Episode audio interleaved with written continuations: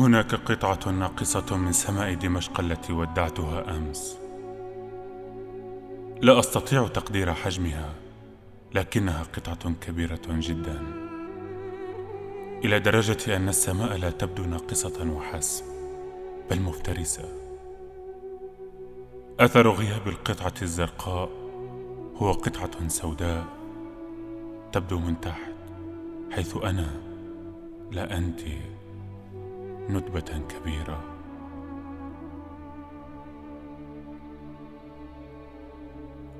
في السيرفيس الذي يتهادى كهودج في الزحام أتصور الأمر هكذا. أنياب عملاقة نهشت جزءا من القبة الزرقاء مع ثلاثة أرباع غيمة كانت عابرة. إلا أن الفك المفترس المجهول جمدها مكانها. فعلى حواف الأسود لطخة غيمية بيضاء. تأبى التبدد. استغرب الراكب الذي بجانبي في السيارة المتوقفة أمام حاجز الجيش حيث أشرت من النافذة إلى النقصان في الأعلى. مد رقبته القصيرة في محاولة استطلاع. مد عينيه الغائرتين من محجريهما بلا جدوى. دخل على خط الحديث ثالث واستغرب أيضا. رغم كل تأكيداتهما أنهما من شيء أو أني أعاني خداعا بصريا. ما أزال مصرا على تآكل الزرقاء وبأنياب غول أسطوري مجهول حصرا. في البيت تداخلت في رأسي الحكايات القديمة ومن تداخلها وجدت تفسيري الناقص في السماء. هو حصتي. كان الأهل يتعبون كثيرا في إفهامنا أن لكل منا حصة سماوية. من الغيوم والنجوم ومن الجنان التي في الأعالي دائما كانوا يفعلون هذا رغم أسئلتنا المحرجة بخصوص الحصة الأرضية التي تبقى بلا جواب إلى أجل غير مسمى. بالنسبة لي انتهى ذلك الأجل حين وجدتك. من وقتها بدأت التصرف على أساس أنني أحوز على كامل حصتي فوق وتحت وما بينهما أيضا. واصلت طريقي إلى البيت محدقا في الأعلى. وقلبي يقول إنني لن أعود إلى دمشق إلا راحلا عنها.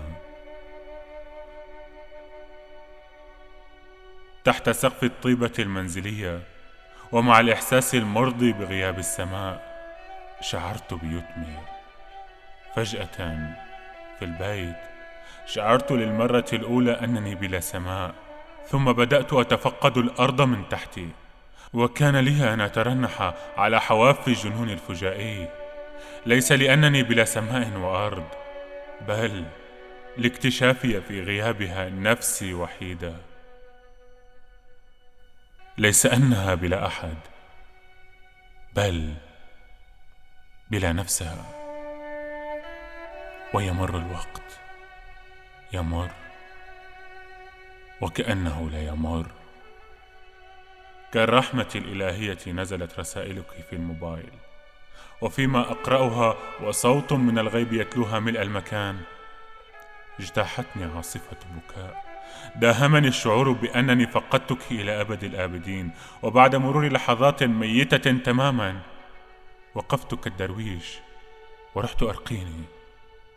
هلوساتي ارتجلت التعزيم في طقوسية الوداع؟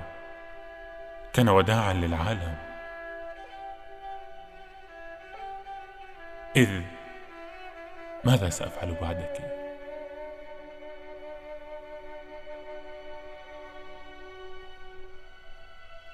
في الفترة التالية ومع العافية المستعادة من بريدنا الإلكتروني رحت أتسلى بتأليف الروايات. كل ساعة أختلق حبكة وأستغرق فيها أرويها لطارق العربي على سكايب. وفيما يظنني أروي أواصل ارتجالاتي أقول سأفعل كذا وسيحدث كذا وفي الساعة التالية أكتب له حبكة جديدة لا علاقة لها بكل ما عقدت العزم عليه وبالطريقة ذاتها. أغوص في كذا وكذا.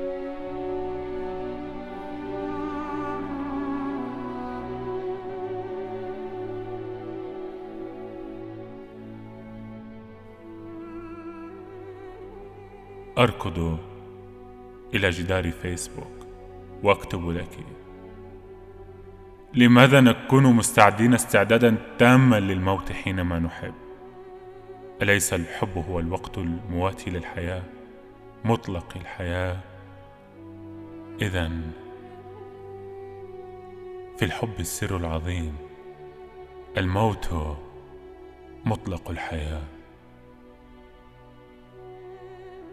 القطعة الناقصة في سماء المدينة التي تكبر الآن أغلب الظن سميتها ثقب أوزوني.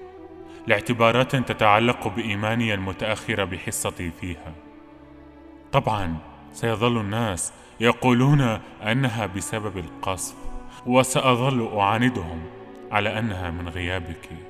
وإن كان لابد من نقاش حقا سأفهمهم بالهدوء الذي تعلمتهم منك بأن السماوات لا تزعج زرقتها الحروب.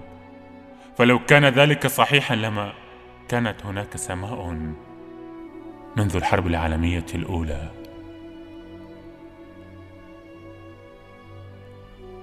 ثقب السماء كبير الآن.